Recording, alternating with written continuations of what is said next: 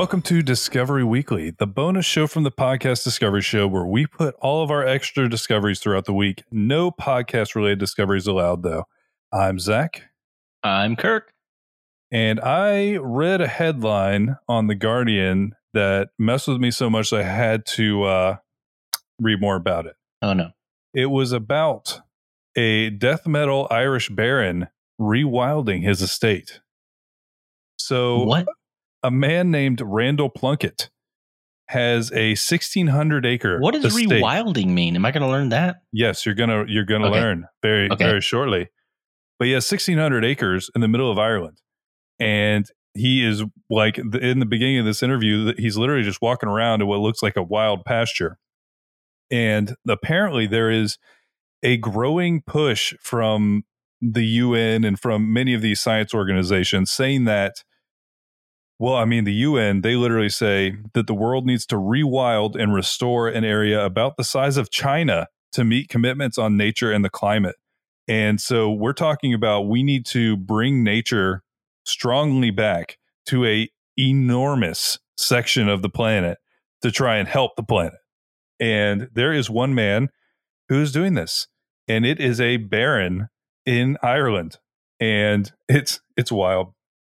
He uh It's He's the- he is the 21st Baron of Dunsany, and he is 38 years old. And he was once a steak eating, bodybuilding, death metal fan with no interest in land. And he is now vegan and on an environmental mission. He still loves death metal and And sports loves a classic ponytail rather now. and a I'm fake leather jacket. But he decided seven years ago to turn over 300 hectares of his estate into a nature, no livestock, planting, sowing, or weeding area. And so I, his entire thing is 650 hectares. So that's about half. So about half of this, he has started to let go wild. So everything about how we cultivate is contrary to what nature would do. You know, even mowing our lawns, that is, you are fighting against the natural order of what wants to happen in your yard. Yeah. And so the, essentially what they're saying is let it take over. Let it happen, baby. Just go with the flow. And so this guy is doing that and he is getting a ton of hate for it because uh, you're also talking because Why he's the people care? 21st in a line of barons and he literally has like a castle on his estate. It's like a it's a 1600 acre estate in Ireland. That's not a it's not a huge country. And so you have like all of this space that was once like this pristine manicured castle area and half of it now has turned into just the wildlands. Is And he like wilding his castle too? I think uh, I mean the picture I see the castle is in the background. It's hard to tell. Because that would be that would be a little crazy. Yeah. It's like, hey, my castle, it's gonna be now a rock sculpture that animals can live in and the plants can climb on. Yeah, and so uh, a little more from this article. Some people considered it disgraceful or or disgraceful neglect of an estate associated with agricultural innovation, and he said they just thought I was a complete waster, decadent, a fool. Uh, one farmer said I should be ashamed of myself for destroying the farm, but essentially. Before the estate had just three types of grass, and now it has 23 different types. And he didn't Hmm. plant that. That was just by letting the birds do it the trees regenerated, multiplied. Um, and essentially, he has a lot of saplings growing that he hasn't planted. Um, and all of this different things has attracted more insects, pollinators, things like that. Um, he's getting a lot more birds, woodpeckers, barn owls, red kites, and sparrowhawks.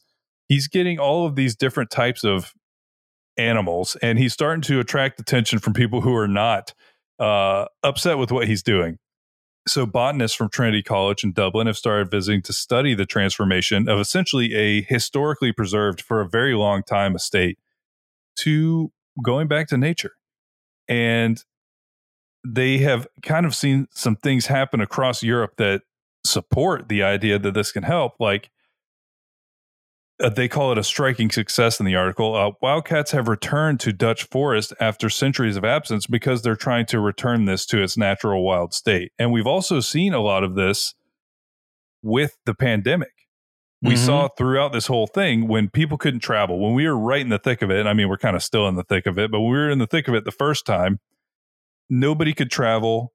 Uh, people weren't really shipping anything, so all the boats stopped doing anything, and animals started returning to places they hadn't been in a very long time. We discovered a bunch of new, well, not new. We just we rediscovered a bunch of species we thought were extinct, all because we stopped interfering as much. And I'm not don't get me wrong, I'm not in any way a crazy person saying that everything needs to be returned to the wild.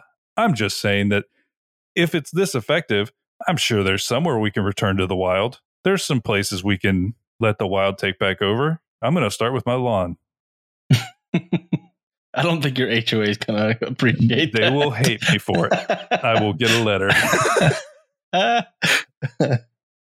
I'll be like, you don't understand. You got to see the bigger picture, man. oh man. So I'm going to start a new segment on the show and I'm going to debut it now and here. And both of my recommendations are going to be about this this week. Probably from now on, it'll be just one recommendation or one discovery. Sorry, not recommendation. Um, but it's going to be discovering different places, like different unique things about places. And this week, I'm going to talk about California. So I found two really cool things in California that are just unique. A lot of these are going to come from Atlas Obscura because they find unique places at, you know, from a location. And so this place that I found that I'm going to debut this with is called the Echo Park Time Travel Mart. Hmm. Here's how the article reads. Have you ever traveled through time and foolishly forgotten your passport?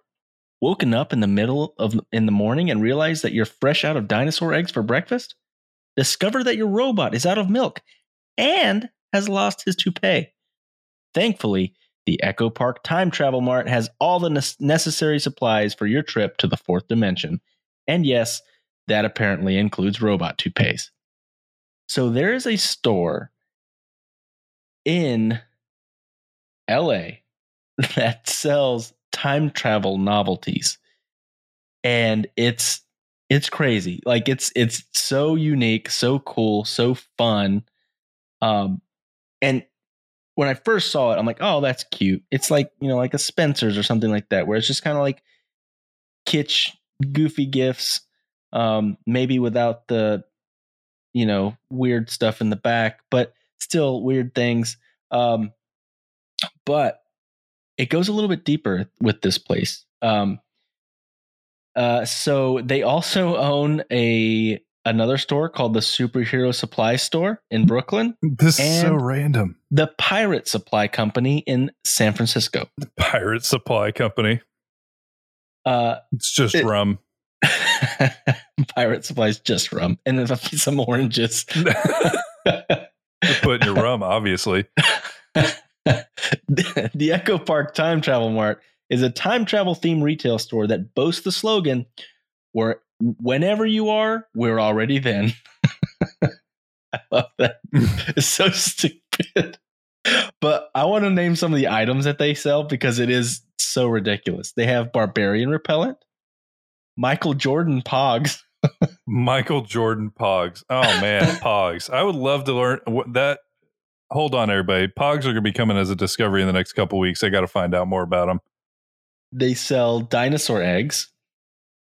Um, they sell Viking deodorant. It by the way, all these are like real items. It's just like branded items, you know. So like I'm I'm gonna read the Viking deodorant because it says Olaf Olafson's long-lasting Viking deodorant for Vikings who care how they smell, and it's cod. It says it Oh, smells like cod. Vikings. And they have a they have a bag. It says time travel brand shade, and what it is is just a walnut, so that you can grow a tree. SPF thirty. SPF 30 from a tree? That has, it can't be true.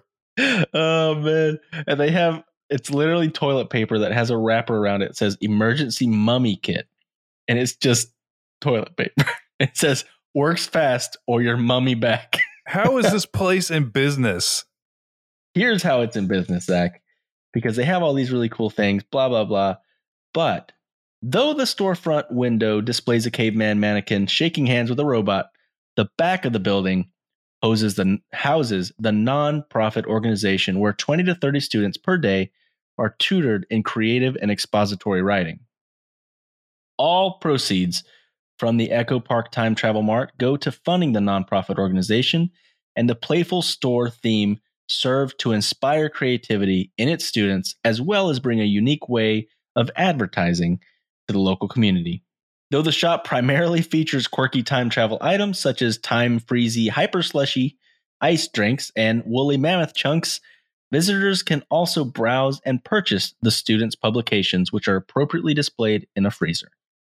So that's what's so cool about this place, and that's what I thought was, I like I said, I thought it was just like a gift store of goofy stuff, but It they're makes- actually helping creative writing, and it's so cool. it makes a lot more sense and it's a lot cooler knowing that it's not an actual store that it's that it's essentially a front for something much cooler than that. No that's that's awesome. It was a really cool discovery, and I mean, Atlas Obscura again, So not a sponsor, not a sponsor but in our in our dreams one day in our we dreams. we would love it because they're amazing. So have you ever heard of the pomodoro technique?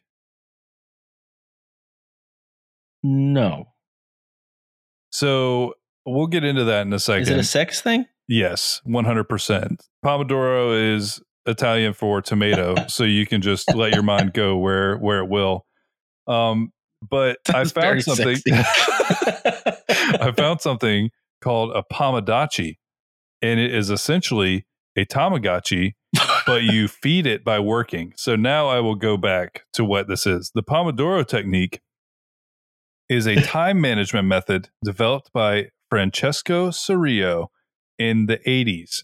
And what it does is it breaks down work into intervals, traditionally 25 minutes in length, separated by short breaks. Each interval is known as a pomodoro from the Italian word for tomato because apparently Cirillo used a tomato looking timer, like kitchen timer, as he was a university student, student like developing this technique that became famous.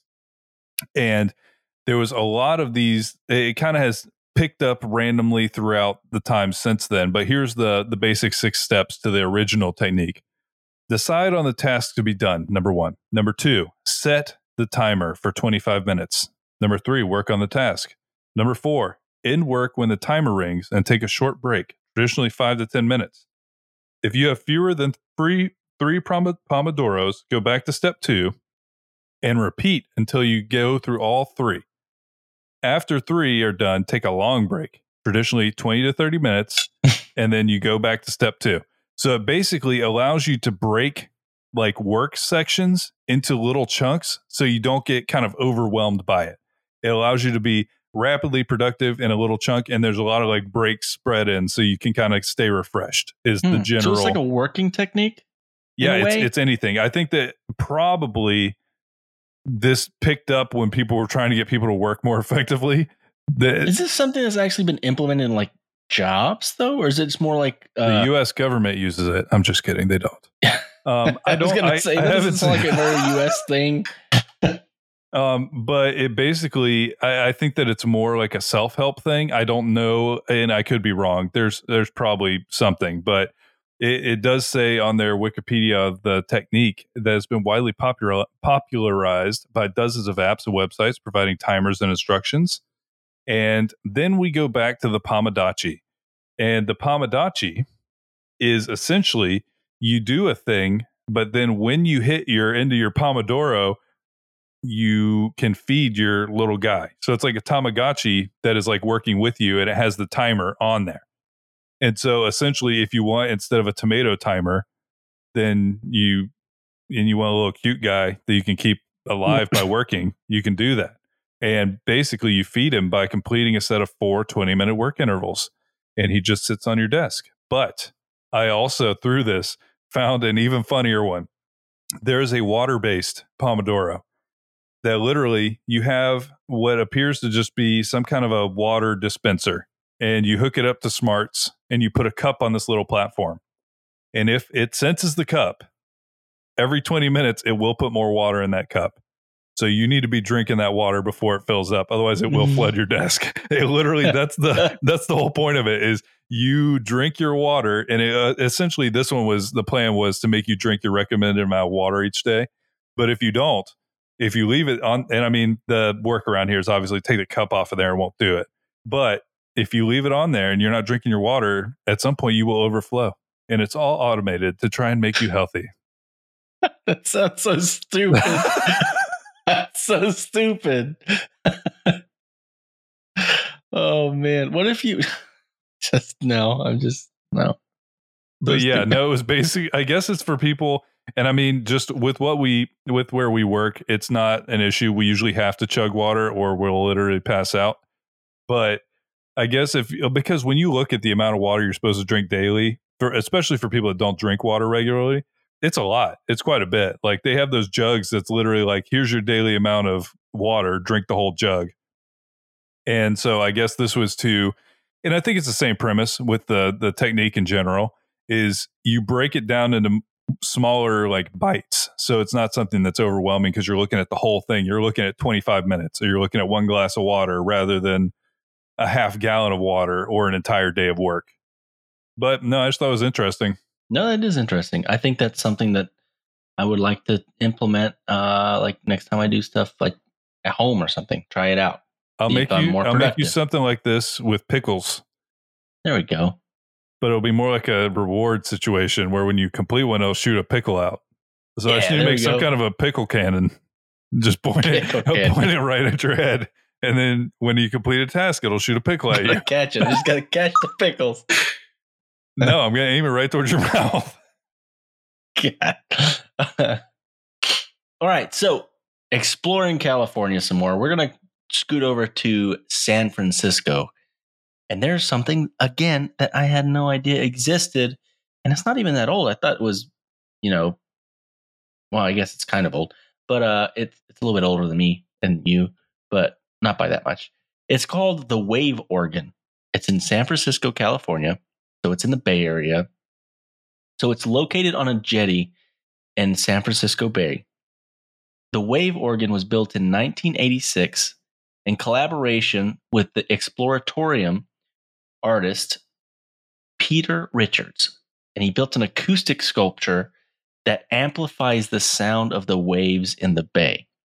And it looks so weird. It looks like a mix between like a fort looking thing, like with cannons, because it looks like cannons, but really it's just like pipes and tubes and like uh, it it's aesthetically pleasing it also looks a little bit like something from dr seuss you know like something you would talk to like the lorax with or something um the instrument itself is comprised of more than 20 pvc and concrete pipes that extend down into the water at various elevations the sound is created by waves crashing against the ends of those pipes when the waves roll in, the pipes resound with liquid music, low gurgling notes that ebb and flow with the rest, restless movements of the ocean and changing of the tides.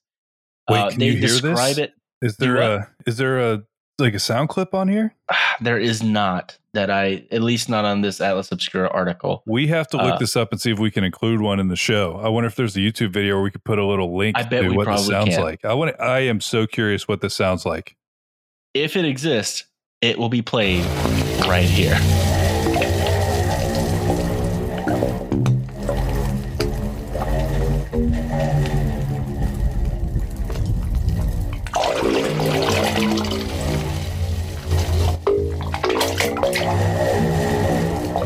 So they they describe the sound as similar to what you hear. Or they say it's similar to the phenomenon of uh, when you put a conch shell to your ear.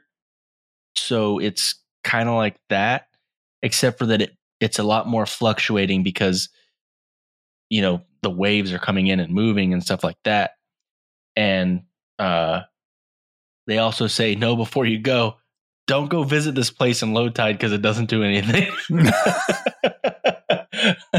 so if you plan on uh, visiting the wave organ in San Francisco, make sure you check the tides first uh, and uh, go during high tide.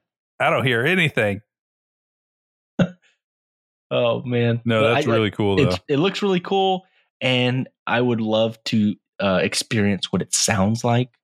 What I really like about this type of thing is it serves no functional use. You know, they did this just for the art of it all. Just to I just love the just to idea. see. Just to see You what know- it just what is it gonna sound like? What's it the like? The idea of giving the ocean an instrument and being like, "Hey, play this ocean," and it's like, "All right, I'm gonna play that." I threw And my trumpet does. in the ocean once. Does that count? I don't think so. I didn't actually- I didn't actually do that then. Yeah. I don't want to kill some porpoise or something with my stupid trumpet. I read a really cool. So shout out Atlas Obscura, the real MVP of this episode. I found an article about how minor league baseball teams hype hyper local food, and as I saw this, I was like, please tell me that they are going to at least mention the Rays affiliate team, the Montgomery Biscuits. It is literally the funniest mascot I've ever seen. And it, I mean, if you want to visualize it in your mind, it looks like a hockey puck with a face on it, but it's biscuit colored. And that is literally their mascot in our, I think it's our double A team for the Rays. But this article, Ridiculous. First of all, it does mention it. There's one. There's two teams that do this full time. But what they're talking about is recently baseball teams have sought a way to bring people into the stands because after COVID, these minor league teams got hammered. They had to essentially because they were making no money. They restructured from I think it was almost 170 teams to 120. Yeah, 162 to 120 because essentially they're all struggling when when sports shut down these these minor league teams were already on razor thin margins and things like that but now it's now it's worse and one thing they've done to try and fight this is they have started having special events where they pick local foods and they change their mascot slash uniforms to highlight those local foods every once in a while so it really comes down to this kind of cool thing that'll happen. But and apparently since So you got, twenty, like the Louisiana crawdads, uh, I think it might be. I think it might be the crawfish there. I, I the not sure. I Everglades gator one. tails. I don't, I don't think there's an Everglades team. Maybe though. but basically, around hundred of the 120 teams have adopted an alter ego based on a local food. And here's a quote from the article: On occasion, the Hartford Yard Goats, the Charleston River Dogs, and the Portland Sea Dogs become the Hartford Steam Cheeseburgers. Ew, ew, steam cheeseburgers. There's No. no way that's good. Well, I mean, it, it- that's basically Krystal, right? Krystal Yeah. Burger. Yeah, and nobody likes Krystal Burger. I kind of like Krystal Burger a little bit. I, I can't do it. I think that you have Josh mentioned it in, in in, in the show that we just talked about with PDS. He, he says it's not, it's more like you're eating a dumpling, a dumpling it is. cheeseburger. It is like eating a dumpling, and that's not what I'm looking for out of a cheeseburger. Uh, the Charleston boiled peanuts and the Maine whoopie pies.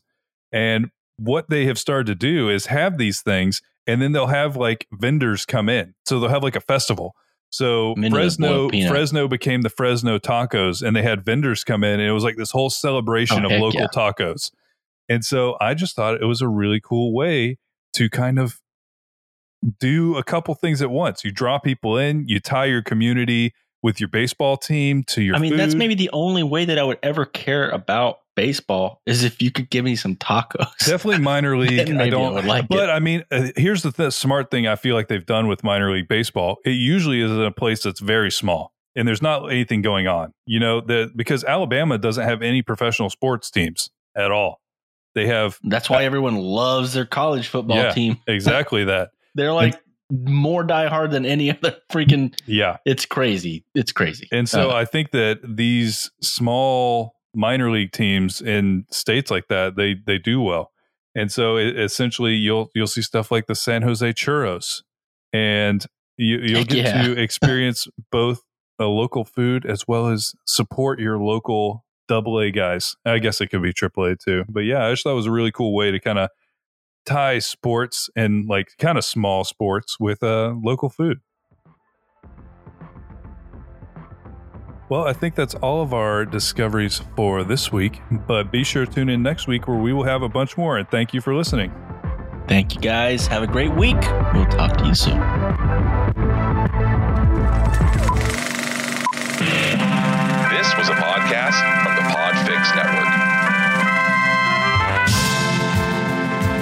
Check out more shows like it at oddfixnetwork.com.